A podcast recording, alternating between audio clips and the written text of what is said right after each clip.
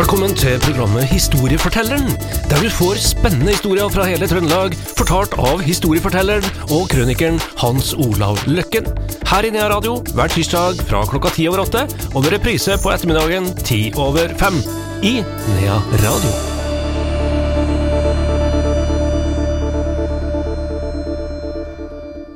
Da ønsker vi velkommen tilbake til en ny historietime her i Nea Radio. Hans Olav Løkken, eh, velkommen tilbake. Takk. Vi skal, ja, I dag skal vi snakke om hundekjøring, faktisk.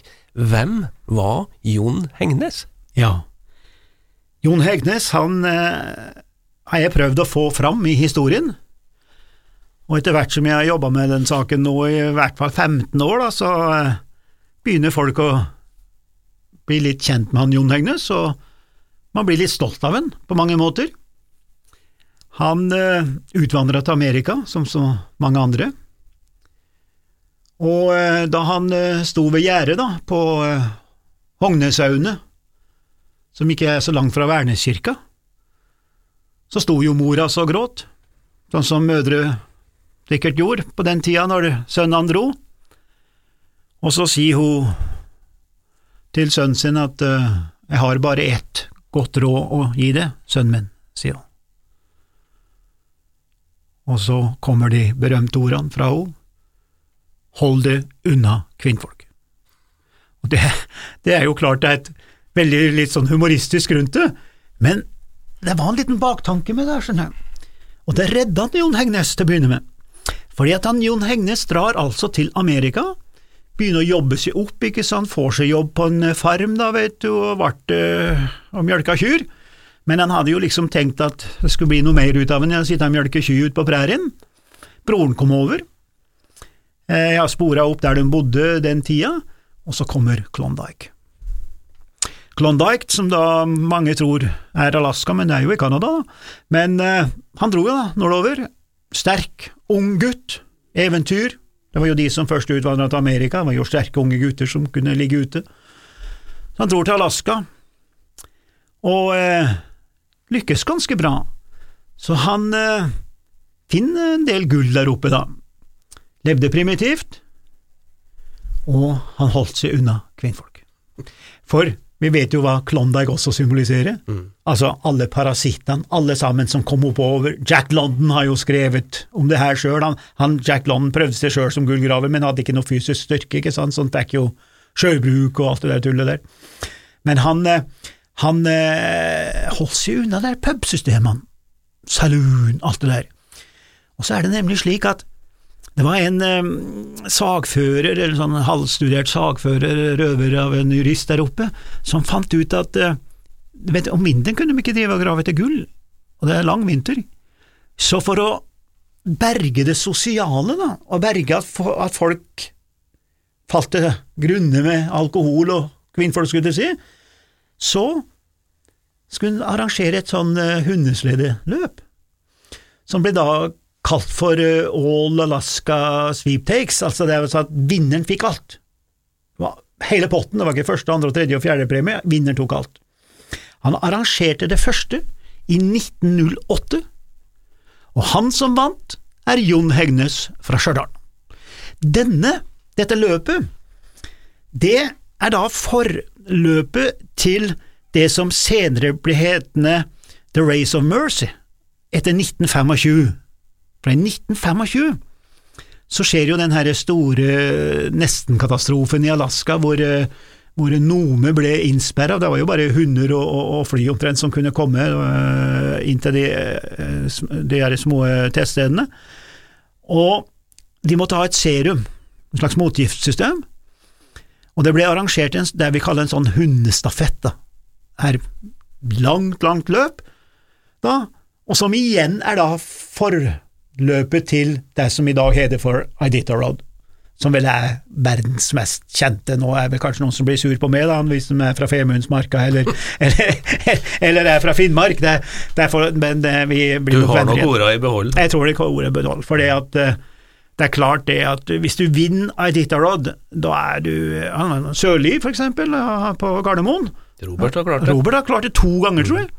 Og det har jo vært nesten eh, hun eh, Ekren og hun eh, Hva heter hun for noe? Hun er fra Sparbu, men hun bor Sig, Sigrid Ekran, Sigrid Ekran, ja. Hun er seg. Og vi har hatt norsk vinner i 2018, faktisk. Så det, Har vi hatt det? Ja, ja, ja kanskje det. Ja, ja, ja. Men det er i hvert fall utrolig stort på det amerikanske kontinent. Med TV-sendinger, og, og, du- og du er ikke noe smågutt hvis du vinner, altså, for å si det bent ut. da. Tror nok du er ganske bra her. Men var antageligvis ikke noen smågutt, den Jon heller, da. Nei, han var ikke noen smågutt, og han vant det der, og eh, fikk jo en del eh, penger for det. Fikk, fikk jo alt, da. Og eh, hvis jeg kommer litt tilbake til her, her, her Race of Mercy, da, men så går han der oppe, og han holder seg altså unna saloonen. Det var ingen som fikk lure av ham pengene. Og ikke tok alkoholen han heller. Til å begynne med. Til å begynne med. Han husker på mor som sto ved gjerdet hjemme på, på, på Hogneshaugen og sa at du må passe for kvinnfolk, eller holde unna kvinnfolk. Så kommer broren også oppover, uten at han visste om det, så de møtes i gata der oppe, og slår seg sammen, og de velger å ta noen måneder den sommeren der, og lete etter gull, og de fant gull for 12 000 dollar, og det er utrolig mye penger på den tida her, nå er vi også først på 1900-tallet, utrolig mye penger, så da sa den vel, ja, nå tror vi at vi har nok, liksom han sagt, og så slutta han. Og de dro tilbake, han eh, broren kjøpte seg en eh, farm i, i Minnesota, men han kom tilbake til Norge, og da går det en tradisjonsfortelling på at han hadde lovet eh, jenta på nabogården at og hun var bare ett år da han dro, så han liksom klappa på, på kinnet der hun lå i sånn sprinkelseng og sa «Ja, jeg skal komme tilbake om en 20 års tid og gifte meg med deg, liksom og det gjorde han! Ja, det gjorde han. så han kom tilbake, og da var hun 21 år gammel, så Ja. gifta han seg og brakt slekta videre da, i Norge. Mens John Hegnes, han ble værende der oppe, og ble postmester. Han eh, har vært engasjert av, eh, av 20th Century Fox eh, til å ta med sånne store team, filmteam ut i villmarka. Han ble lommekjent, han redda fullt av menneskeliv, det er utrolig mye om en Jon Hegnes. Han var den eneste som kunne klare de mest dramatiske eh, oppdrag. Han kunne ligge ute i dagevis i villmarka. Og jeg har skrevet veldig mye om disse turene hans, hvor han eh, ja, det nesten klikker for den i ensomheten og, og, og sånn. Og så han hadde jo sånne turer med båter hvor han skulle gå med post i Innlandet. En av turene hans, hvor de går rundt Beringstredet, går helt langt nord, og så skal han gå i land fra båter, og hadde så og så mange dager på seg, for de kunne ikke ligge for lenge, for da frøs, da frøs båten inne i de her fjordene oppi der. Så han skulle gå inn da, til noen sånne Eskimo-systemer og sånn med noe post, men så ble han litt forsinka, så når han kom ut til kysten igjen, så var skipet gått, og der er han en liten prikk så langt nord som det går an å være, og da gikk han i to og en halv måned før han kom fram til det nærmeste huset han kom fram på julekvelden, da, her, og overlevde der, og han holdt på å omkomme, for, og da blir det som en Helge Ingstad fortalte, jeg kjenner i og for seg en Helge Ingstad, hadde litt med han å gjøre før han døde, og Helge Ingstad kom, holdt jo også på å omkomme i Canada, han skulle liksom tro at villmarka har nok av byttedyr og skyte øh, rein og sånn, men sånn er ikke villmarka. Den er så stor at du må være der dyrene trekker. Han, eh, men han Hegnes han overlevde da. Kommer tilbake, bygger opp et lite slags firma på en måte, med post og så videre, og så ansetter han en som, en, en som var halv russisk, halv eskimo. Og han hadde en spesiell utstråling. Han var utrolig vakker mannfolk, for å si det, hvis det er noe som heter det, da. Vakker mannfolk. En utrolig utstråling, sånn at de her Hollywood-folkene som lå der oppe, de fant at han her kunne være en slags liten rolle. Var en eskimo og litt sånn. Og var han så interessert i teknikk at han fikk være med bak kamera og filme, han var jæklig god til å filme, så han ble ansatt av det her selskapet. Og for å gjøre historien litt kortere, havna da i Hollywood. Han her er Ray Mala, og ble skuespiller der nede, og var med på den kjempestore filmen som het Eskimo i 1933, som du kan eh, gå inn på YouTube og se litt på, der, og begynte å bli superstar. Omgikk eh, Helland og Halland. Eh, Bestevennen hans var han eh, Weissmuller som spilte Tarzan, da, men han likte ikke en ta, han, han var bestevenn, men han, han, han syntes at han Weissmuller var en liten raring, for han gifta seg bare ikke seks-sju ganger, da. Og sånn, så det var liksom litt noe moral der og sånn, da. Men han, han, han er Ray Mala, han, eh, han ble så kjent at han skal nå få stjerne i Walk of Fame i Hollywood. Og jeg har da snakka med sønnen hans om med barnebarnet. Hun er skuespillerinne i Hollywood, så jeg har vært og besøkt henne òg. Da har jeg vært med til og med i serier som går på norsk TV her. Og eh, jeg ble da invitert over for å være med på åpningen der. Og eh, nå har jeg ventet noen måneder her, og jeg spurte nå på mail igjen om ikke snart blir. Men de må samle inn 1,3 millioner. Det er, det er business, skjønner du. Det bus Amerika er bare business, vet du, så der er business. Sånn at familien må stille med så og så mye. Ja og det, det er liksom ikke bare å, å ta, bruke 1,3 millioner på en liten stjerne. Men de jobber med saken, da. Okay.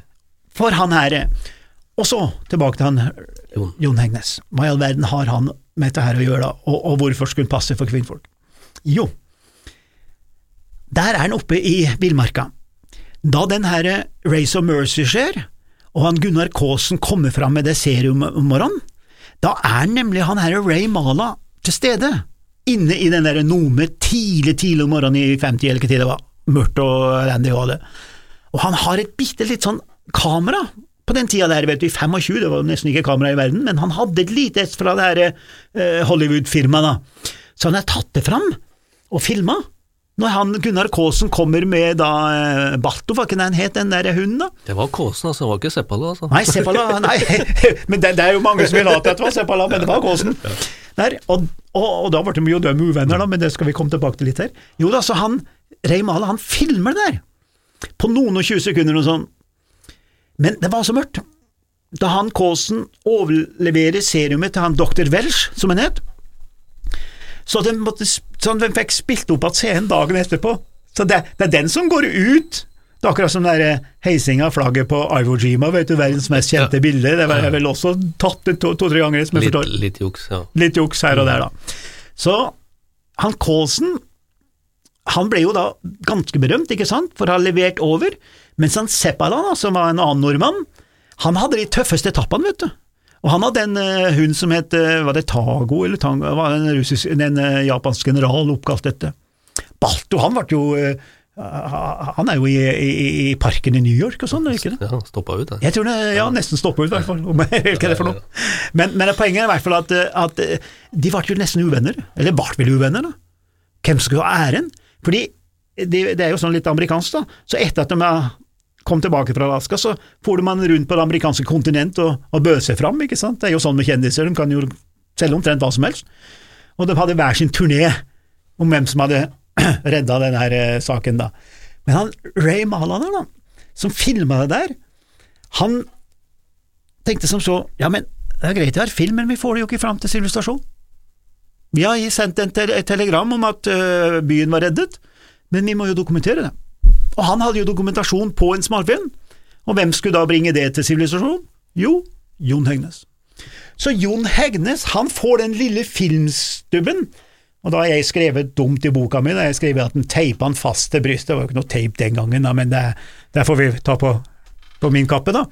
Han tok i hvert fall med seg den filmen, og gikk gjennom ødemarka i flere uker, da.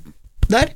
Kom seg ned til en mindre plass nede ved kysten i Alaska, og til et sjøfly, og fikk brakt alt videre til, et, eh, til San Francisco.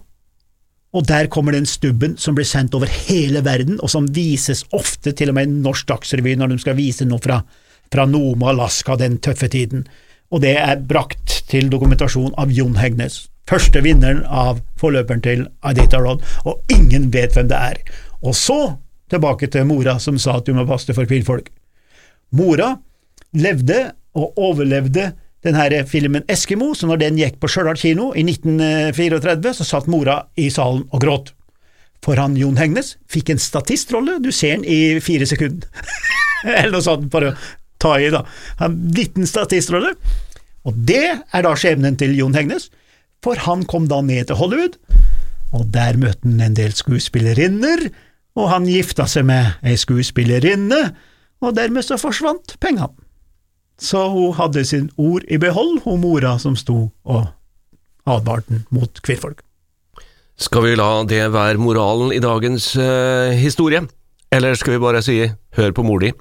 Vår historieforteller, det er Hans Olav Løkken.